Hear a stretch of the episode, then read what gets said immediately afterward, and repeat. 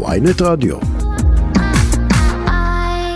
עורך דין ניב בוקסבאום, מנכ"ל דור פיננסים מקבוצת שלדן, שלום לך. עידן, מה נשמע? מה קורה? בסדר, הכל מצוין, תודה שהזמנתם אותי. בכיף. בוא ספר לנו קצת מה הדברים הכי קריטיים, בוא נחלק את זה לשנייה התפטרות ופיטורים, אה, שלושה דברים שאנחנו חייבים לדעת. אז בואו נדבר קודם על הנושא של אה, הודעה מוקדמת. גם בפיטורים וגם בהתפטרות אה, יש חובה להודיע את זה מראש ובכתב. בגדול העובד מקבל שכר מלא על כל התקופה של ההודעה המוקדמת, והמעסיק לא חייב לשלם זכויות סוציאליות והפרשות פנסיוניות, אלא אם כן כמובן הסכמנו על זה אחרת בהסכם העבודה, או שיש שם הסכם קיבוצי כזה. אז מה הוא כן מחויב? רק אה, שכר? השכר המלא, כן. עכשיו, ניתן כמובן לנצל גם ימי חופשה באישור מעסיק, אוקיי? זה אוקיי. הדבר הראשון שחובה להכיר. הנקודה השנייה שהיא מאוד מאוד קריטית, בעיקר בתקופה שכל הזמן, אתה יודע, אנחנו מדברים על הנושא של יוקר המחיה, אני חושב שצריך להסתכל על כל רבדי הכסף, מה שנקרא. ופיצויים הם חלק מהמשחק. בגדול הבסיס לתחשיב של אה, פיצויים, זה, או יותר נכון לקביעה של אה, זכאות לפיצויים, זה סיום העסקה על ידי המעביד ועבודה של לפחות שנה, כאשר לוקחים את המשכורת האחרונה כפול מספר שנות הוותק. אבל, וזה אבל מאוד גדול, כשיש דבר שנקרא סעיף 14, למעשה הכסף שהמעסיק הפריש לפיצויים, לקופת גמל או לקרן פנסיה, יכול להפרי, להחליף את הצורך בתשלום פיצויי פיטורים לעובד. שזה, תקן אותי אם אני טועה, מה שקורה ברוב החוזים כיום, לא? יש סעיף כיום, 14. כיום, כן, נכון, אתה מדייק, משנת 2015 למעשה החוק מחייב להפריש את אותם 6% לפיצויים בקופות גמל או בקרן פנסיה, ולמעשה באמת, כמו שאמרת, סעיף 14 חל אוטומטית. אה, מה זה אומר עליי בעצם? כל חודש אני מפריש לרכיב פיצויים שלי, שהוא בסופו של דבר יהיה הפיצויים שלי גם אם אני מתפטר, גם אם אני מפוטר. נכון, זה בעצם יוצר, לטעמי לפחות, סוג של ווין ווין בין, ה... בין העובד למעביד. מצד אחד העובד יש לו סוג של שקט, לא משנה לו, התפטר, מפוטר, או פחות משנה גם, הוא מקבל את הכספים. מצד שני, המעביד עצמו, גם במקרה שהוא יצטרך להשלים כסף, או שהוא אמור היה להשלים כסף, כי נגיד אה, יש עלייה בשכר של העובד, אה, או כי נגיד במועד משיכת כספי הפיצויים בדיוק יש שם אה, ירידות בערך הכסף בגלל משברים בשוק ההון, אז למעשה הוא לא צריך להשלים אותם. אוקיי? זה הווין ווין שאנחנו יוצרים, מצד אחד שקט לעובד, מצד שני גם ידיעה למעסיק עצמו. אז כמה בעצם הפיצויים האלה, כמה הם, אה, על כמה הם עומדים? אז צריך להפריש למעשה שישה אחוזים, ואם השלמת או הפרשת מלכתחילה שמונה ושליש, אז בכל תקופת ההעסקה אז לא צריך יותר לבצע את ההשלמה עצמה. עכשיו, אני רוצה רק לחדד איזושהי נקודה אחת. בסוף, כשמושכים כספי פיצויים, צריך להבין שאתם עשויים לפגוע בגובה הפנסיה העתידית. אנשים לפעמים... למה הכוונה? בואו נסביר מאפס. אני, אני אסביר. תראה, כשאתה מפריש, או יותר נכון שהמעסיק שלך בתור שכיר מפריש עבורך כסף לפנסיה, הוא מפריש גם לתגמולים וגם לפיצויים. הפיצויים, אותם שמונה ושליש, הם חלק מהכסף שאתה אמור לקבל, לפחות לפי ההסתכלות גם של משרד האוצר, כשתצא לפנסיה, שתפרוש.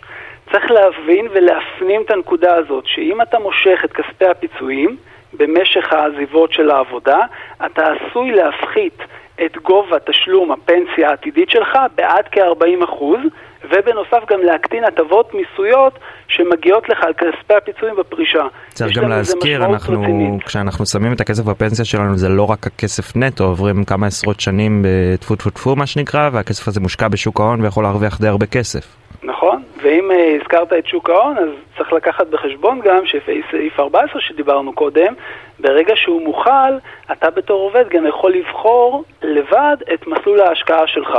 ואז לא מחויב ללכת, מה שנקרא, למסלולי ברירת המחדל, אלא גם לבחור מסלולים יותר אגרסיביים ברמות הסיכון, ואם אנחנו מדברים על עשרות שנים במסגרת התכנון של הכספים שלך, זה יכול להיות גם משמעותי. אז בוא נדבר שנייה בתכלס, אני עכשיו uh, מתפטר נגיד, מה, מה אני צריך לעשות? אז קודם כל, כמו שאמרנו, יש את ההודעה המוקדמת. לאחר מכן שהיא בעל פה, היא בכתב, היא בכתב אמרנו. לא, לא, היא בכתב ומראש. עכשיו, צריך ככה, צריך את המכתב של ההסכמה של המעסיק, אוקיי? למעשה למשיכת הכספים, או שזה בסיום העבודה, או שזה במסגרת הסכם העבודה שלך, שהכנסת את זה מראש. בגדול, דרך אגב, יש למעסיק ארבעה חודשים להודיע שהוא לא מסכים, אוקיי? Mm-hmm. להודיע לקופ, לקופה ששם מתנהלים הכספים. אם הוא לא הודיע, זה ייחשב כאילו, כאילו הוא הסכים. למה זה בכלל, אה, כאילו, מה, למה אני צריך את ההסכמה שלו? זה כספים שלי, לא?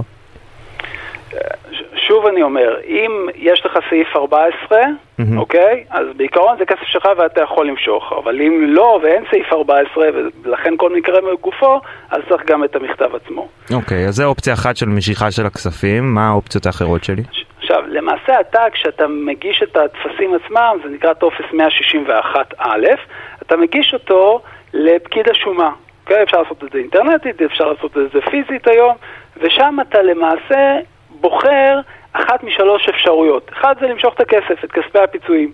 שתיים זה לבצע דבר שנקרא רצף קצבה, שכיום זה ברירת המחדל, אני ארחיב עוד מעט על, על הנקודות שאני מפרט עכשיו. ושלוש זה דבר שנקרא רצף פיצויים. אפשר גם לשלב בין, ה, בין השלושה, לכל דבר יש משמעות מיסויית אה, אה, על תשלום המס בפועל. Mm-hmm. בגדול, רצף פיצויים, מה זה אומר? זה אומר דחייה של תשלום המס לסיום העסקה אצל המעסיק הבא שלך. הציפייה בגדול אומרת שגובה הפטור יגדל ואנחנו נשלם פחות מס על הפיצויים שנמשוך. זו הנקודה הראשונה. Okay. אוקיי. האופציה השנייה שהיא הרווחת כיום, והיא גם ברירת המחדל מאז שנת 2017, סליחה, זה רצף קצבה. זה אומר שמי שהפקידו לו פיצויים בקופת גמל שיכולה בעתיד לשלם לו קצבה, mm-hmm. למעשה יוכל לצרף את, ה, את הכספים האלה, את כספי הפיצויים, לחיסכון הפנסיוני שלו, זה החיסכון שממנו יקבל פנסיה בעתיד, ולהגדיל את, ה, את הקצבה בפנסיה. כלומר, יש לי, חוץ מ... אוקיי, אז יש לי שלוש אפשרויות. יש לי את המשיכה של הכספים ברגע הזה, שיכולה להיות אה, לחלקים קריטי, אבל לחלקים גם לפגוע בפנסיה העתידית שלנו. נכון. יש לי רצף פיצויים, שזה בעצם אומר, כרגע אני לא מושך, אני דוחה את ההחלטה עד שאני מתפטר ומפוטר ב, אה, ב, אה, ב, בסבב הבא. ורצף קצבאות, שזה אומר, אני מלכתחילה, אני רוצה לשמור את זה לפנסיה שלי. נכון. שבעצם רצף פיצויים, אני ממשיך ועושה אותו בכל פעם, הוא לחלוטין זהה לרצף קצבה, כי אני מושך אותו רק בפנסיה. אם תגיע בסוף עד הפנסיה, אז כן. שוב, יש הרבה ניואנסים, אנחנו באמת, כל מקרה לגופו, אבל בגדול הרעיון שלך הוא נכון. אגב, יש עוד נקודה שאני חושב ששווה גם להתייחס אליה, שזה דבר שנקרא פריסת המס. לוקחים למעשה את כספי הפיצויים, ואפשר לפרוס אותם עד שש שנים קדימה או אחורה, mm-hmm. על מנת לנסות להגיע לתשלום מינימלי של המיסוי על כספי הפיצויים לפי מדרגת המס שתהיה בכל אה, שנה ספציפית. קדימה זה על כל ארבע שנות עבודה, ניתן לפרוס שנה קדימה, אחורה, כמספר שנות הוותק ועד מקסימום של שש שנים. אנחנו okay? אוקיי? מדברים פה די הרבה על המשיכה ועל, ה, אה, ועל המיסוי, אני חושב שצריך להגיד שנייה, ההמלצה כמעט לכל בן אדם רגיל היא, תקן אותי אם אני טועה, היא להשאיר את הכספים אה, לפנסיה, אחרת אתה מאבד המון הטבות מס והמון כסף. בגדול כלומר, כן. משיכה אבל... רק אם אתה חייב. בגדול כן. גם התפיסה של משרד האוצר אומרת, והם מסבירים את זה בכל מקום אפשרי, שעדיף לא למשוך את הכספים. אה, לפעמים אנשים אומרים, אתה יודע, לא מסתכלים ככה יותר מדי רחוק, אה, עוזבים עבודה, המצב קצת יותר קשה, צריך להבין את המשמעויות של כל דבר. ברגע שאתה מושך את הכספים האלה, זה חלק לא מבוטל בכלל, כמו שאמרנו, זה יכול להגיע עד כ-40 אחוז מכספי הפנסיה העתידיים שלך, ויש לזה כן. משמעות. אוקיי, ניב בוקסבאום, עורך דין ניב בוקסבאום, מנכ"ל דור פיננסי מקבוצת שלדן, תודה רבה לך שהיית איתנו היום. תודה דן.